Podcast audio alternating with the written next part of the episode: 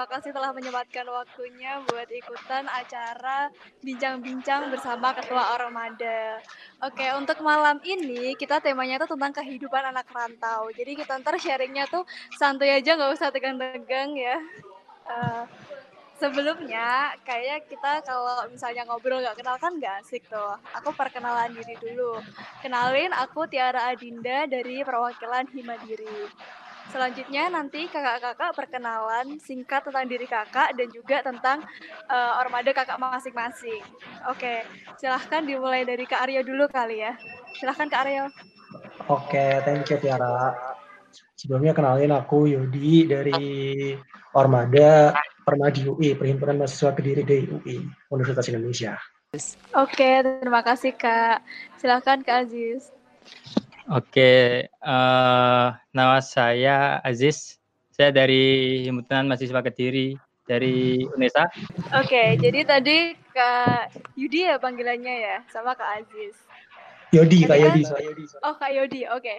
Uh, Kak Yodi, tadi kan kakak dari Permadi Universitas Indonesia. Boleh dong dijelasin dikit-dikit aja tentang Permadi UI. Jadi di Permadi UI itu ada kegiatan apa aja, ada divisi apa aja, boleh dong bagi Kak. Oke, seperti pada seperti umumnya pada... Ormada, uh, sebu Ormada UI juga Ormada untuk anak-anak Kediri yang sedang berkuliah di UI, tapi uh, mungkin agak sedikit berbeda kalau emang bandingannya sama Himadiri Jogja ya. Kalau Himadiri Jogja kan lebih satu udah sangat terstruktur dan tapi kalau Ormada UI sejauh ini geraknya masih secara kultural aja, jadi kayak nggak ada uh, created with free version for non-commercial use. Ada ketua-wakil-ketua dan ya itu juga mempertimbangkan karena jumlah anggotanya yang gak terlalu banyak sih sebenarnya. Tiap tahun mungkin belasan cuma belasan. Jadi kayak untuk menghandle untuk mengakomodir kebutuhan dan untuk mengordinir semuanya juga gak perlu tupoksi tupoksi yang tercantumkan dalam struktur jabatan atau gimana gimana. Jadi ya apa ya kolektif di dikelola bersama gitu. Masih masih apa ya mungkin uh, ke depannya sih diharapkannya semoga bisa berkembang dan ada ada struktur-struktur yang lebih mantap dan untuk bisa berkembang lebih baik dampaknya. Cuman untuk saat ini bergerak dan pola organisasinya masih seperti itu. Oke, makasih Kak Yodi. Boleh dong Kak Aziz ceritain tentang Himawari Unesa. Oke, uh, Himawari Unesa ya. Mungkin kalau dari Himawari sendiri itu uh, mulai benar-benar terbentuknya itu created with free uh, version for non-commercial kayak use. udah terorganisir itu mungkin dari tahun 2015 ya.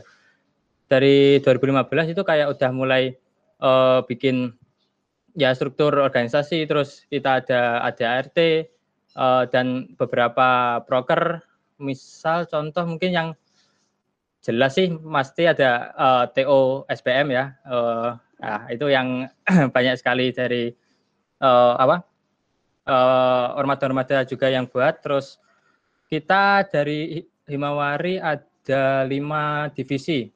Uh, ada divisi Kominfo, divisi pengembangan organisasi, divisi penalaran dan keilmuan, divisi pengabdian masyarakat dan juga apa satu lagi uh, sama minat bakat.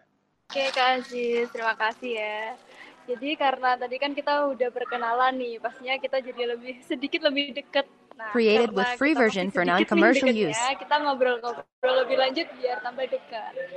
Jadi sekarang kita langsung masuk ke temanya ya Kak tentang kehidupan anak rantau. Nah, kita awali dengan coba dong kakak-kakak ceritain suka dukanya merantau di kota orang. Boleh dari siapa dulu terserah, boleh dari Kak Aziz, boleh dari Kak Yodi. Silahkan Kak. Kak Aziz tuh. uh, Oke, suka dukanya jadi anak rantau mungkin satu yang pasti kalau dulu apa? Gimana ya? Kayak dulu masih ke maksudnya kayak masih uh, gandol orang tua.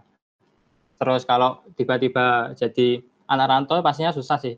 Uh, jujur mungkin teman-teman atau mungkin saya sendiri pernah homesick lah.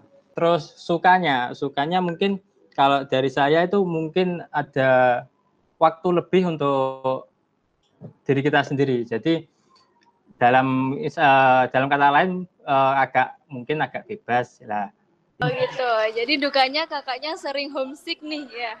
Okay. Agak agak agak homesick boleh boleh. Nah, jadi kan tadi kan Kak Aziz bilang kalau dukanya tuh homesick. Jadi sama nggak sih sebenarnya ngerantau di Surabaya sama di Jakarta tuh suka dukanya sama nggak sih atau beda? Coba dong Kak Yodi ceritain. Oke, okay, thank you thank you. Sebelumnya uh, klarifikasi UI di Depok. Yang kedua mungkin uh, dukanya dulu kali ya, terutama sebagai anak rantau.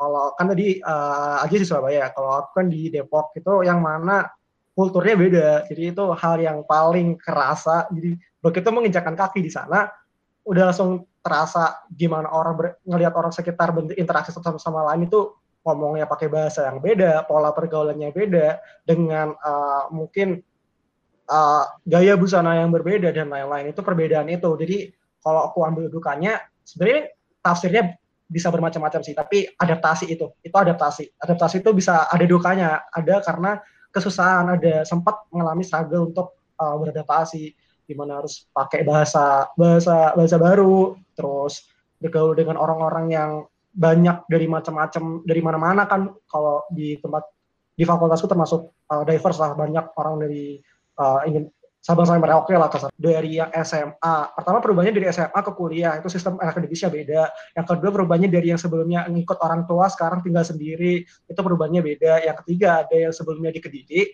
sekarang di Depok, itu juga perubahan beda. Jadi tiga, tiga, tiga ini menuntut kita untuk uh, berubah jadi orang yang bisa adapt di sana itu itu sebuah kesusahan sendiri. Cuman sukanya mungkin tadi linear juga media mungkin nama Aziz ketika uh, kita meratau, emang kita dikasih uh, kita dapat kebebasan untuk untuk uh, bebas dari kekan-kekan yang sebelumnya ada seperti aturan orang-aturan orang tua untuk jam pulang atau apa pun itu sebenarnya kita bebas di sana kita ngatur uh, kehidupan kita sendiri manage waktu sendiri manage uang sendiri segalanya sendiri.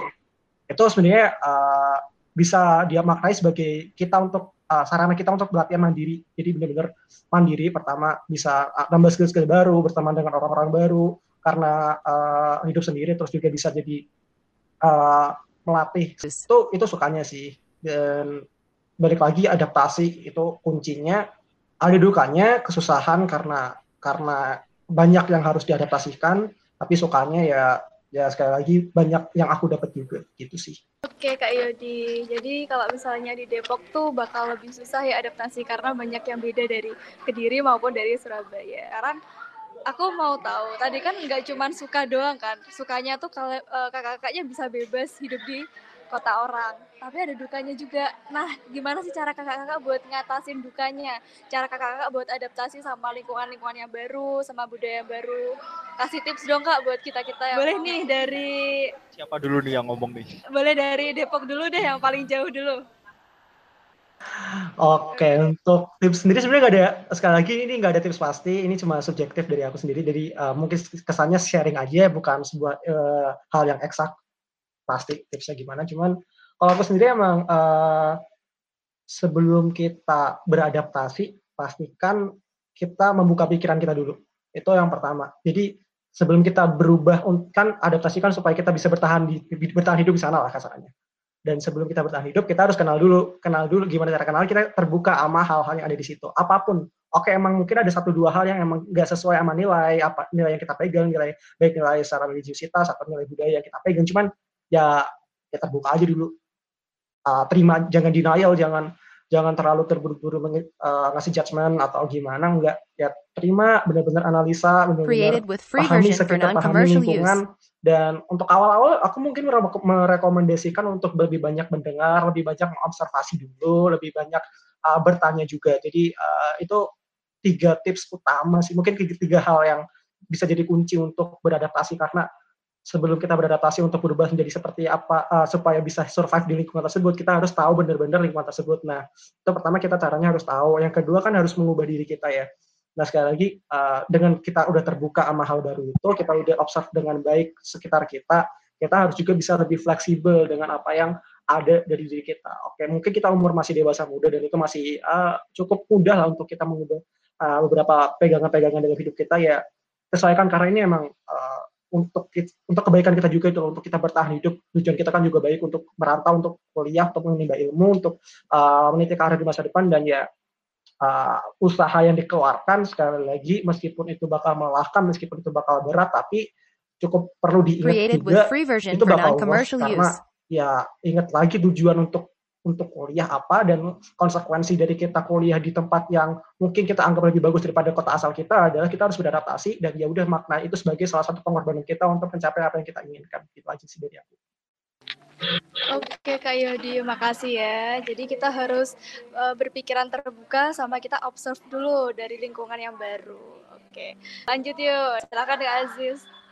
Oke, uh, mungkin motivasi-motivasinya itu yang pertama itu apa sih uh, apa ya tujuan utama kalian ke apa untuk kita merantau untuk kita apa pergi ke kota lain untuk tujuannya kuliah itu uh, apa pegangan awalnya itu harus untuk awal-awal pegangan awal itu harus tetap kita pegang harus tetap kita gimana ya uh, tanamkan dalam hati Created with free version uh, pokoknya for ketika use. kalau saya dari sana saya harus gini gini gini nah itu kayak kita harus memegang apa ya uh, hmm, motivasi dari awal kenapa ingin kuliah kenapa harus ke luar kota. Dan juga uh, yang kedua mungkin uh, harus yang kedua mungkin bisa untuk teman-teman itu gimana sih cara biar nyaman di sana? Yang disebutkan Mas Hamka tadi boleh juga kayak ikut organisasi.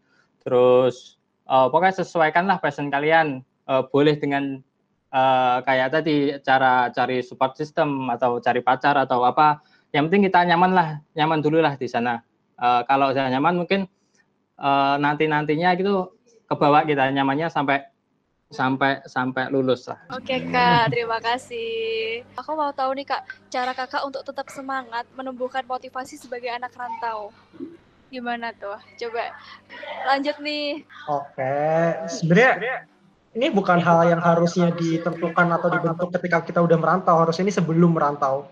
Jadi apa yang mendasari kita untuk merantau harusnya udah ada, harus harus harus banget udah ada. Karena ya ini mungkin bisa aja terjadi, tapi konteksnya misal ada anak disuruh ada anak SMA disuruh kuliah ke misalnya UGM tapi tanpa ada motivasi yang kuat dari internalnya itu mungkin motivasinya ekstrinsik dari motivasi oh dari ini misalnya diminta orang tua di situ. Itu itu uh, cukup mengkhawatirkan untuk aku pribadi karena uh, sekali lagi temukan motivasi yang intrinsik dari diri sendiri. Jadi jangan jangan terpaku pada hal-hal yang uh, dari luar. Mungkin itu jadikan pertimbangan tapi tetap lagi balikin dan tumbuhkannya itu dari diri sendiri karena uh, itu yang uh, ya sesederhana lebih kuat lah. Tapi untuk uh, apa yang memotivasi uh, aku pribadi untuk tetap mau beradaptasi di sana, ya jawabannya udah ada sebelum aku pergi yaitu tujuan-tujuan apa yang ingin aku capai. Kayak itu bisa apa pun. Itu bisa bagaimanapun itu uh, sangat bebas sangat sangat subjektif biar beda tiap orang. Dan itu ya mungkin untuk tujuan akademis karena mungkin kampus di luar kediri lebih bagus atau non akademis seperti organisasi di luar kediri lebih bagus atau sosial pengen dapat koneksi yang lebih bagus apa pun itu tancapkan dalam hati lebih kuat dulu sebelum merantau. Jangan sampai udah merantau duluan tapi di sana baru bingung. Karena mungkin uh, motivasinya ekstrinsik atau bahkan karena nggak ada motivasi sama sekali karena nggak tahu mau ngapain juga. Itu itu bahaya banget. Jadi uh, mungkin nyambung ke yang sebelumnya juga ya. Sebelum kita merantau pastiin kita uh, punya motivasi yang kuat dulu. Alasan kita untuk melakukan sesuatu kenapa baru melakukan sesuatu itu? Mungkin kalau di sana untuk menjaganya itu itu bisa, bisa macam-macam banget.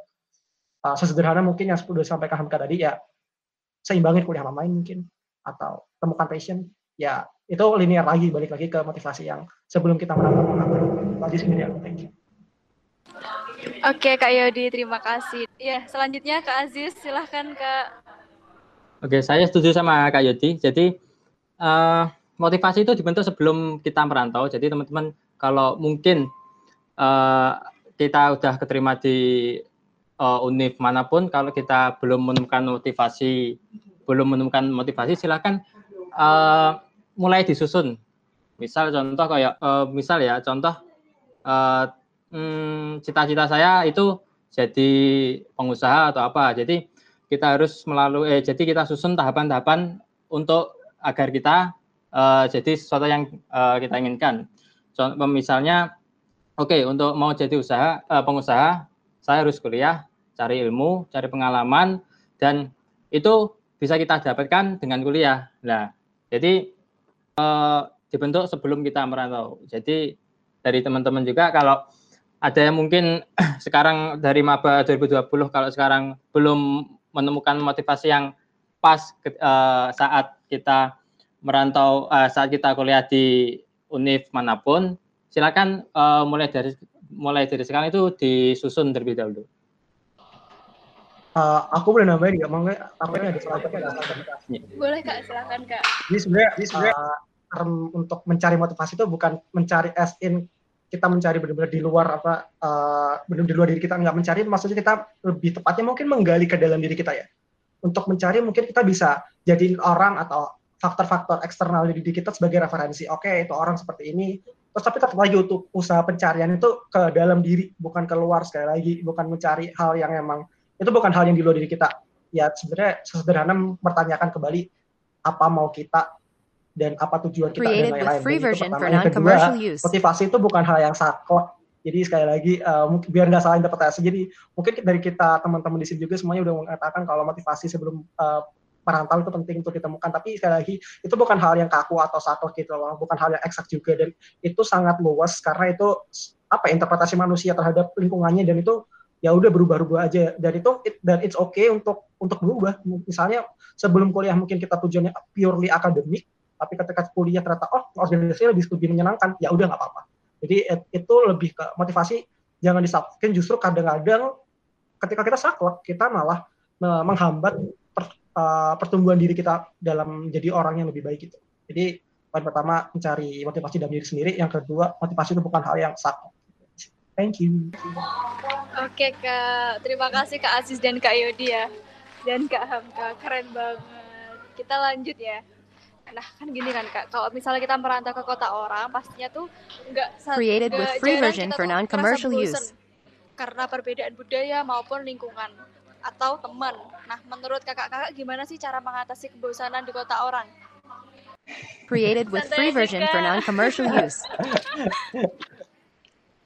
Uh, untuk mengatasi rasa bosan mungkin dengan kuliah atau tugas-tugas padat-padat-padat gitu, mungkin dengan cara saya masuk ke Himawari atau Ormada yang ada di Indonesia itu salah satu cara mengatasi, uh, mengatasi kita saat bosan. Jadi entah kenapa teman-teman di Ormada itu lebih bukan uh, bisa bisa pandangan teman-teman boleh beda sih. Menurut saya itu uh, apa teman-teman ke di dari asal Kediri mungkin lebih gimana ya lebih bisa membuat saya itu lebih nyaman gitu loh. Jadi kalau mungkin ada bosan tentang kuliah atau organisasi dari jurusan maupun fakultas, mungkin cara saya untuk menaikkan apa? menaikkan motivasi atau ngilangin rasa bosan itu ya dengan kita created with free version for non-commercial use. Ormada masing-masing. Jadi di sana kita bisa cerita apa pun ke teman-teman Ormada dari Kediri gimana ya kayak lebih nyaman lah lebih apa ya dari teman-teman dari Kediri kan oke okay, kita dari asal yang sama dari hmm, mungkin dengan status sosial yang sama jadi ketika kita cerita apa pun itu lebih nyaman lebih apa ya enggak uh, kayak satu nasib gitulah nah serasa satu nasib itu mungkin lebih enak buat cerita-cerita mungkin itu sih uh, kalau saya lebih, lebih apa, di ke Ormada lah. Oke, okay. kalau dari Kak Aziz itu ke kembali ke rumah ya, rumahnya tuh Ormada Himawari. Iya. Oke, okay, keren sekali. Oke. Okay. Yo, bisa uh, jadi salah satu alternatif. Oke, okay. sekarang aku mau dengar nih pendapat dari Kak Yodi buat uh, ngatasin rasa bosan. Silahkan Kak. Oke, okay. pertama sebenarnya menurut aku pribadi rasa bosan itu bukan sebuah hal yang jadi permasalahan ketika created uh, with free version for non-commercial use. Kalau berdasarkan dari pengalaman aku sendiri, awal-awal maba tuh aku dalam tanda kutip gak pernah bosan lah. Mesti kayak bosan yang biasa-biasa aja gak pernah sebut jadi masalah karena yang ada aku malah overwhelmed kayak uh, terlalu banyak hal-hal baru yang masuk itu malah malah kebalikan dari bosan ketika banyak stimulus. Kalian bosan kan ketika stimulus yang masuk ya gitu-gitu aja stagnan kayak itu mungkin ada rasa bosan. Kalau aku terlalu banyak mendapatkan hal baru tiap harinya jadi itu malah bikin capek. Mungkin uh, perasaan atau keluhan-keluhan yang dirasakan kalau aku pribadi jujur bukan bosan tapi mungkin kayak lebih capek atau uh, mungkin ada perasaan tidak aman dengan dengan lingkungan baru atau dengan uh, pandangan terhadap diri sendiri. Itu itu jujur itu lebih lebih jadi sebuah problem sih daripada sebuah perasaan bosan. Tapi sekali lagi kalau emang tanya rasa bosan ya perlu diingat bahwa rasa bosan itu wajar. Karena ya uh, ketika stres kita terlalu rendah sampai sampai yang nggak baik ya itu munculnya rasa bosan. Ketika ketika stresnya terlalu tinggi ya munculnya rasa uh, distress namanya yang kita benar-benar tertekan itu. Nah itu pertama. Pertama itu wajar. Yang kedua, uh, cara manusia atau seseorang untuk cope uh, atau mengatasi perasaan bosan itu jujur ini subjektif banget itu beda-beda. Jadi mungkin di sini sifatnya aku sharing aja kalau aku. Jadi uh, mungkin ini juga sharing gimana cara teman-teman biar nemuin uh, apa yang cocok lah. Mungkin dari teman-teman ada yang ngerasa kalau uh, seperti Hamka tadi bilang, misal Hamka recharge-nya dengan uh, waktu sendiri ya mungkin uh, itu konsep dalam psikologi juga ya tadi diminta Hamka untuk menjelaskan dari perspektif psikologi juga sih Alan. Uh, ya itu ada namanya introversion ketika seseorang sekali lagi ya introvert itu bukan orang yang pendiam introvert bukan orang yang nggak uh, suka bergaul itu itu beda itu asosial atau antisosial atau lain tuh konsep lain konsep lain. Tapi kalau introvert itu orang yang merecharge uh, bahasa gambarnya mungkin ngecas lah, ngecas diri sendiri. Created with free version dengan, for non-commercial uh, use. Dan tidak mengambil, uh, tidak terlalu menutup stimulus-stimulus dari luar yang gak terlalu banyak mungkin itu malah bikin mereka capek gitu loh. Dan kalau orang yang ekstra, ekstraversinya tinggi ya orang yang merecharge uh, dirinya energinya recharge ketika dia bertemu dengan orang lain atau energi energi stimulus dari luar ketika dia main atau motoran keliling-keliling Jogja atau gimana itu ekstraversi dan sekali lagi ini bukan hal yang hitam putih atau hal yang dikotomis lah. Kalau introvert introvert banget ekstrovert ekstrovert banget enggak. Ini seperti sebuah kontinum garis bilangan. Nah ada orang yang mungkin 30 ke min 30 jadi mungkin introvertnya dia uh, 30 persen extrovertnya dia 70 persen jadi dominan situ. Jadi ya ada kalanya dia extrovert tapi tetap aja 30 persen ada kemungkinan mungkin bahasanya kemungkinan dia introvert gitu. Untuk uh, 70 persen dia mungkin ngisi tenaganya dengan main keluar 30 persen mungkin dia isi tenaganya dengan uh, sendirian di rumah dan itu bisa diukur pakai alat ukur psikologis yang gratis. Itu bisa dicari sendiri. Dan sekali lagi uh, ini sekalian promosi ilmu psikologi. free version for non-commercial use. Uh, mematahkan miskonsepsi tentang introversion dan ekstroversinya ya. Bisa aja seorang ekstrovert itu pendiam tidak tidak terlalu banyak bicara. Dan bisa aja seorang introvert itu punya banyak teman itu bukan hal yang benar-benar mempengaruhi. Dan sekali lagi dengan mengenali uh, tipe recharge apa, tipe gimana teman-teman untuk recharge diri sendiri itu mungkin bisa lebih uh, selain untuk bisa lebih mengenal diri sendiri juga bisa lebih mudah dalam mengatasi rasa bosan. Ya, kalau ya itu bisa macam-macam lah introversion mungkin yang sendiri di kamar mungkin nonton anime, nonton K-pop uh, atau K-drama atau apa pun terserah, nonton bola apa pun mungkin yang uh, menghentikan stimulus terlalu banyak di luar. Kalau yang introversion mungkin semakin mencari stimulus dari luar kayak uh, nongkrong atau cangkruk, angkringan atau main motor, motoran mantai atau apalah itu. Itu bisa dicari sendiri sesuaikan dengan kondisi sosial ekonomi budaya dan pertemanan masing-masing lah. Tidak tidak terlalu panjang sorry created with free version for okay, non-commercial use. keren Kak Yodi. Kita dapat ilmu baru nih, teman.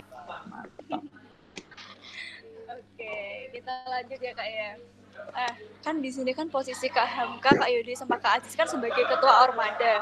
Pastinya uh, peran kakak-kakak buat ngerangkul dan ngedukung teman-teman seperantauan tuh paling besar gak sih Kak sebenarnya? Nah, aku pengen tahu nih, cara kakak untuk saling mendukung dan merangkul sesama anak rantau tuh gimana kak? Lanjut yuk kak Yodi, boleh dong dengar pendapatnya gimana buat merangkul?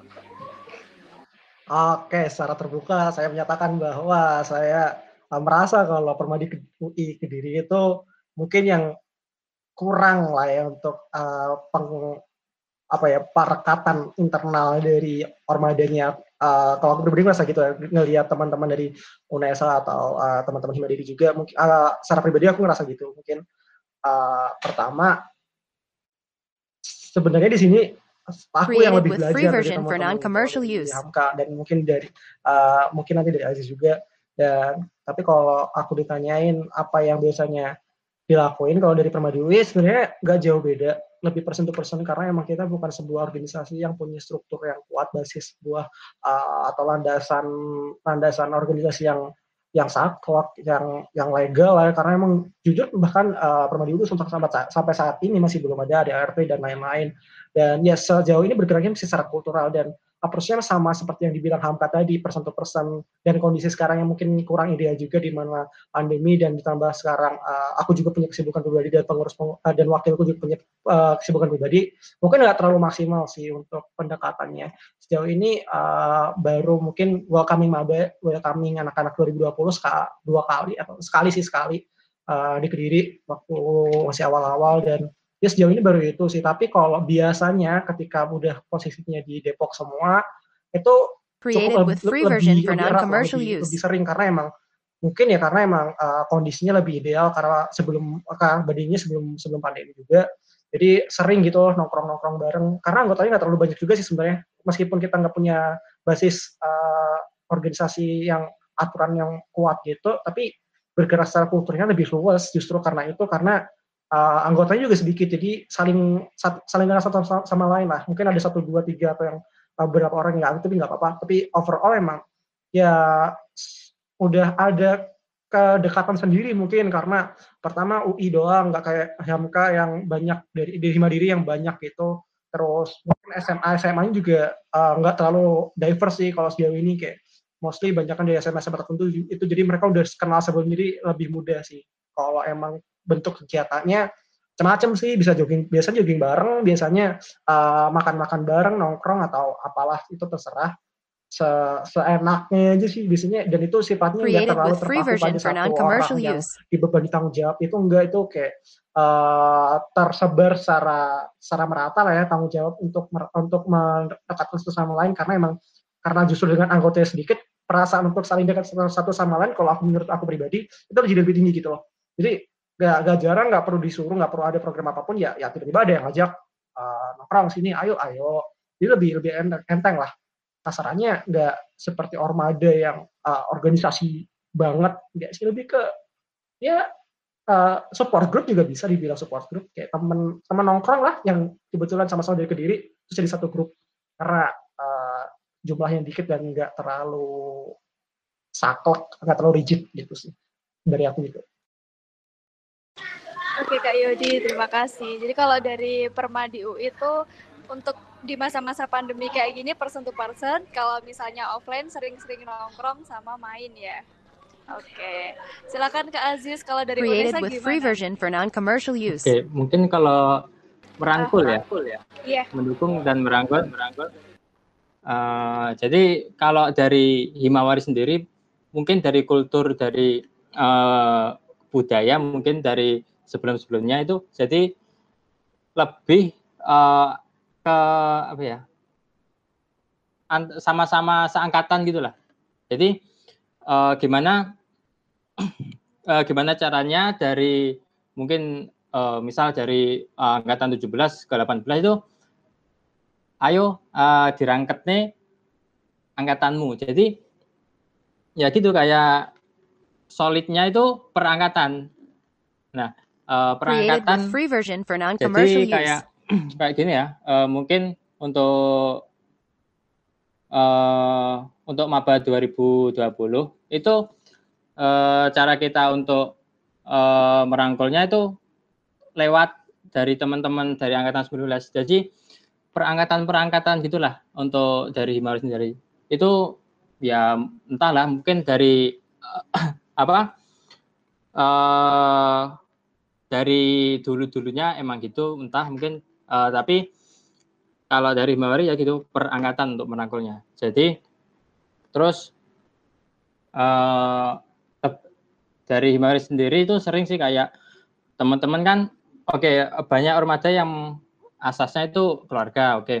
lebih uh, ada juga mungkin dari teman-teman dari salah satu orang ada yang menganggap itu kayak uh, gimana ya kayak terlalu terlalu Created with free version for ya non-commercial jadi use. kayak jaga nih gitu loh. Nah jaga nih.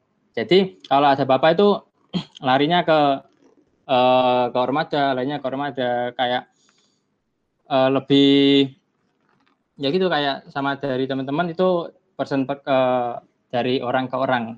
Jadi kalau dari saya sendiri untuk menjabat sebagai ketua terbebani sih?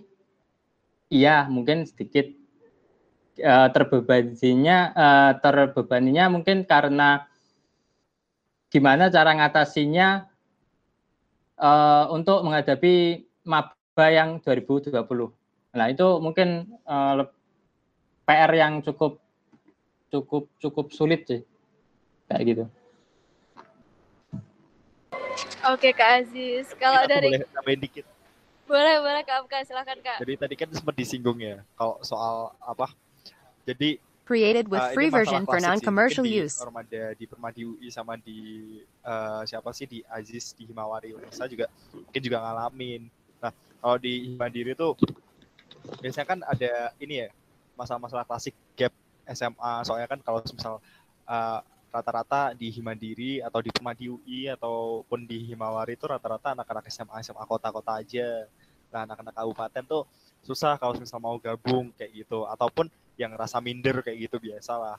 Nah, mungkin eh, apa sih kayak hal-hal kayak gini lah eh, yang mulai coba di di eh, tepikan dulu karena menurutku kalau misalnya emang teman-teman udah di eh, himpunan tuh rasanya ya udah kita serawung-serawung bareng, gocek-gocek bareng, santai-santai bareng. Seperti itu teman-teman. Terus habis itu kalau semisal eh, di Mandiri sendiri kan juga ini kebetulan kan eh, karena universitasnya luas Created ya with free version jadi for non-commercial use. jadi uh, problem juga karena mungkin uh, rasanya ada gap uh, terlalu besar lah antara UGM dengan yang lain kayak gitu rata-rata berapa ya walaupun uh, memang mayoritas teman-teman ada di UGM tapi bukan berarti menutup kemungkinan kalau misal teman-teman yang lain mau join tuh nggak bisa dan harus apa ya harus masa tersingkir kayak gitulah. Jadi join join aja kita santai kenalan bareng. Kan malah kalau misal dari ada teman di mana-mana kan enak kan ya. Kali aja dapet jodoh di situ aduh. Sudah sudah seperti itu aja Oke Kak Hamka, Kak Aziz, terima kasih ya Kak.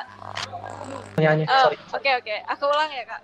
Jadi pertanyaannya gini, eh, support seperti apa sih yang sebenarnya kakak-kakak pengenin dari orang-orang terdekat selama kakak merantau? Misal kayak aku nih, aku pengen support dari keluarga tuh aku sering di VC-in gitu, di call. Nah dengan cara itu aku ngerasa kayak mereka tuh support aku. Terserah dari mana pun itu Kak, boleh. Gak ada sih sebenarnya karena uh, adaptasi version itu for non-commercial use. Gimana ya kita manajemen diri yang bagus sih untuk kunci utamanya. Kan karena ini lingkungan ini kita kita cara masuk ke lingkungan gimana ya ya itu namanya adaptasi kan. Tapi kalau ya kita nggak bisa minta lingkungan melakukan seperti apa itu namanya bukan adaptasi dong kalau gitu. Kalau kita ada ah aku mau diginiin, aku mau digituin kepada lingkungan berarti ya kita nggak nggak adapt ke mereka, mereka yang kita meminta mereka adapt ke kita dong. Jadi kayak itu sebenarnya yang jadi pertanyaan sih ke pertanyaannya eh, ke pertanyaannya disampaikan sebenarnya untuk itu. Cuman untuk ya kalau aku nangkapnya dalam sisi mungkin aku bisa nangkapnya karena eh, hal-hal apa yang bisa membantu eh, dari orang-orang sekitar untuk memotivasi ke untuk tetap bisa beradaptasi. Jujur lingkungan or, lingkungan itu beda-beda ya pertama. Mungkin ini uh, nyambung ke tips adaptasi juga. Pertama, ling, temuin uh, lingkungan yang paling friendly dulu, yang paling mudah dulu. Karena dengan di situ, nah baru dengan lingkungan yang lebih friendly untuk kita Created adaptasi, free version for yang lebih fit in untuk kita masuk seperti misal kalau aku dari kediri misal masuk eh, ke UI ya mungkin aku cari teman-teman yang Jawa Timur juga yang Jawa Timur dulu mungkin atau Yogyakarta atau Jawa Tengah yang mungkin ada kesamaan budaya Jawa itu kan lebih mudah untuk fit in dan ketika kita masuk di situ eh, hal-hal yang kita butuhkan untuk dapat bisa terus beradaptasi terus bisa ada tenaga untuk beradaptasi itu mungkin bisa lebih terpenuhi. Mungkin ya tapi kalau aku pribadi untuk ke keluarga nggak ada nggak ada sih nggak nggak nggak ada apa-apa karena menurut aku pribadi konsep untuk beradaptasi ya kita menyesuaikan ke orang lain. Dan kita nggak bisa minta orang lain untuk menyesuaikan ke kita itu memang bukan adaptasi. Tapi kalau untuk memotivasi dari aku fokusnya ke teman-teman aja sih ya itu sangat subjektif sih cari temen yang cocok itu sangat subjektif banget dan mungkin jawaban itu aja sih soalnya masih ngawang lah kayak pertanyaan-pertanyaannya sorry banget Uh, Oke Kak Yodi, terima kasih. Mungkin aku uh, ulangi pertanyaannya ya untuk Kak Aziz sama Kak Hamka. Created with free version for Eh, gini, non-commercial use. Jadi aku pengen tahu support yang kakak inginkan dari teman-teman terdekat, keluarga maupun masyarakat support gitu. Aku merantau di Jogja kayak gitu.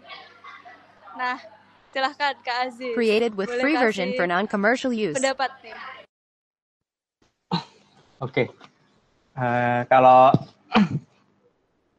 eh, Oke, eh, supportnya mungkin sama sih, yang mungkin sama sama kayak eh, Tiara. Eh, dari orang tua, dari orang tua sendiri tuh kayak tiap kalau saya tuh mungkin tiap hari lah, tiap hari kayak ketika aku di Surabaya, tiap hari hampir hampir tiap hari itu nelpon. Jadi entah itu eh, pagi atau malam itu paling enggak sehari sekali lah untuk telepon. Dengan cara itu mungkin eh, lebih gimana ya kayak nggak nggak nggak dilepasin bener-bener lah kayak ketika aku di Surabaya. Jadi kayak bener tetap tetap tetap diawasi sama orang tua terus eh, apa Created with free version for non-commercial use. untuk dengar kabar kabar orang tua sehat pun kayak kayak menjadi semangat untuk kita jadi anak rantau. Jadi gitu kayak hmm, mungkin kalau dari aku sih dari orang tua sendiri sih. Oke Kak Aziz, terima kasih. Silakan Kak Hamka, boleh kasih pendapat. Oke, eh, kalau aku tadi sepertinya yang Oke. utama itu finansial ya teman-teman ya. Tapi Kedua, eh, sampingan itu menurutku eh apa ya? Kayak sport moral kayak kalau misal tidaknya tuh kadang kalau aku pribadi sih eh mungkin kebetulan aku di Jogja tuh ada kakak kandung terus ah mau mati. Oke lanjut aja deh. Jadi kalau misal apa? Created with free Uh, version for non-commercial use. kalau ada apa-apa kalau misalnya butuh ya kadang aku eh, main ke rumah ke rumahnya saudaraku terus habis itu ke rumahnya eh, kakakku juga lah kalau kayak kayak gitu kan menurutku itu udah membantu banget loh walaupun entah itu kadang chattingan apa enggak teleponan apa enggak itu eh, ya kadang kesibukan masing-masing kan beda juga. Soalnya aku juga jarang juga itu kalau misal mau telepon kayak misal kayak Aziz gitu kan setiap hari ya hampiran. Eh, setiap pagi malam itu teleponan. Ya menurutku itu juga bagus gitu loh. Kita bisa terus keep in touch sama orang tua terus tahu kondisi kita ngapain dan lain-lain. Ya menurutku yang penting dukungan moral aja sih. Kalau misal lagi apa-apa tuh ya disupport. Soalnya kadang ternyata kalau posisi lagi kita stres gitu terus habis itu ada permasalahan Created with free keluarga version kan for ya non-commercial use. tambah stres ya temen-temen ya seperti itu. Ya kayak gitu aja sih. Saling support aja kalau misal Oke, Kak Hamka, Kak Yodi, dan Kak Aziz, makasih ya Kak buat pendapatnya. Tadi kan aku udah sebutin ya, kalau misalnya itu pertanyaan terakhir, tapi aku ada pertanyaan khusus nih. Aku tiba-tiba terpikirkan, aku pengen tahu Kak, kan ini kan selama pandemi kan kita di Kediri terus. Pastinya kita ngerasain satu dua kali rindu sama kota rantau, entah itu Depok, Surabaya, maupun Jogja. Boleh dong Kak sebutin hal apa yang paling bikin rindu dan bikin kangen dari kota rantau? Boleh dari Kak Aziz dulu deh. ah apa ya hal yang dirindukan di kota rantau? Kebebasan mungkin jam malam atau jam main. Terus yang kedua mungkin dari suasana kotanya sendiri sih yang dikangenin. Suasana kota Surabaya. Cik, iya. Udah dua itu aja. Oke, jadi keromantisan suasana Surabaya ya kak. Boleh Kak Yodi. Kak Yodi paling kangen apa tuh di dari Depok? Sebenarnya kalau aku pribadi eh, kenangan-kenangan atau hal yang udah lampau itu lebih tertaut pada orang-orangnya sih, orang-orang sama tempat.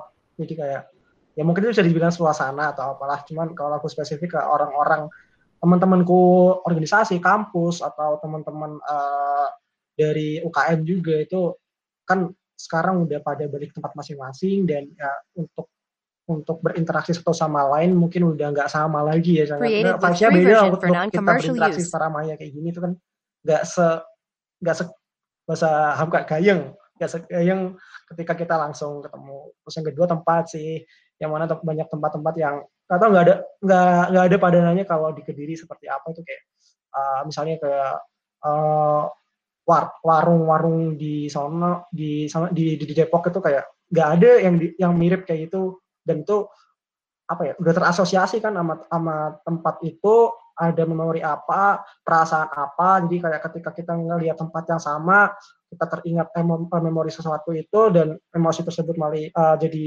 keingat dan ya itu nggak ada sama sekali sih. Kayak ya tempat-tempat di yang eh, yang ikonik atau yang emang monumental kayak mungkin depan rektorat kalau di UI depan rektorat atau depan pelang fakultas itu tempat-tempat yang kayak gitu tuh bikin bikin kangen lah karena itu memantik emosi yang cukup cukup kompleks itu jadi kayak kangen jadinya Created with free version Oke, for non-commercial use.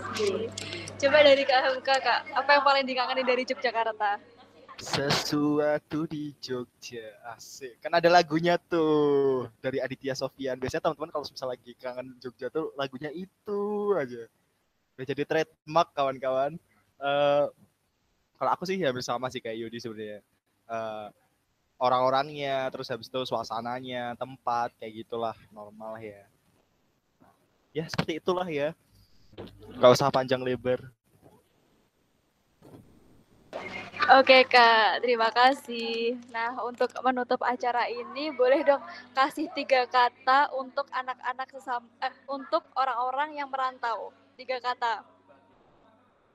Oke, tunggu dulu ya. Oke, bentar. Siapin kata-katanya dulu. Coba angkat dulu ya. Oke, Kak Hamka dulu deh Kak. Silahkan, Tarik sis, semongko. Created with free version for non-commercial use. Hamka lucu banget Hamka lucu Ya sekali udah bagus tuh. Berarti kan gas ya. teman-teman. motivational banget yo Motivational banget tarik sis semongko. Lagi booming kan. Oke, dari Kak Hamka tarik sih semongko. serius Serius dong. kecewa aku mikir ratu-ratu kecewa aku mikir Ih, gimana sih? Kita harus santai teman-teman. Aku yakin teman-teman eh, 20 pun dengan tarik sis semongko itu udah jadi eh, ini semangat di internal kayak gitu. Ya, itu dari Kak Hamka tarik sis semongko katanya buat anak-anak rantau. Sekarang dari Kak Aziz kali ya. Tiga kata untuk teman-teman eh, mahasiswa rantau. Tetap ingat ke diri. Mantap, dalam banget tetap ingat ke diri. Oke. Sekarang Kak Yodi nih. Uh, mungkin nggak terlalu motivasional kayak Hamka ya sorry paling itu sih pesannya tiga kata ingat diri dan tujuan ya itu dan nggak usah dihitung lah ya sorry banget itu udah maksimal. Ka- kapasitas berpikir maksimal itu sorry udah. Ingat tujuan diri ya udah Oke, keren. Ingat tujuan diri buat anak-anak rantau. Oke, Kak. Jadi sesi pada malam hari ini udah sampai sini aja. Sayang banget karena sebenarnya kita ngobrolnya seru tapi karena Created with free version for non-commercial use. kita akhiri. Terima kasih ya Kak sudah meluangkan waktunya buat ikut bincang-bincang bersama Himadiri. Semoga silaturahmi kita nggak berhenti sampai sini aja. Semoga ntar kita bisa ketemu. Kalau di sini. Boleh, Apa boleh kak? Kak. Baleni? Oh jangan lupa loh follow IG Himadiri, terus Permadi UI sama Himawari itu apa Siap, tuh? siap. Oke Kak. Makasih banyak ya Kak with udah free version for non-commercial use. Ntar kita ngobrol-ngobrol lagi nih. Makasih Kak, makasih banyak. Ilmunya sangat Oke. bermanfaat. Thank you juga ya. Oke, kayak iya. Terima kasih Kak. Memikir Sukses tujuan. selalu buat UI dan Odessa. Terima kasih sukses buat UGM dan semua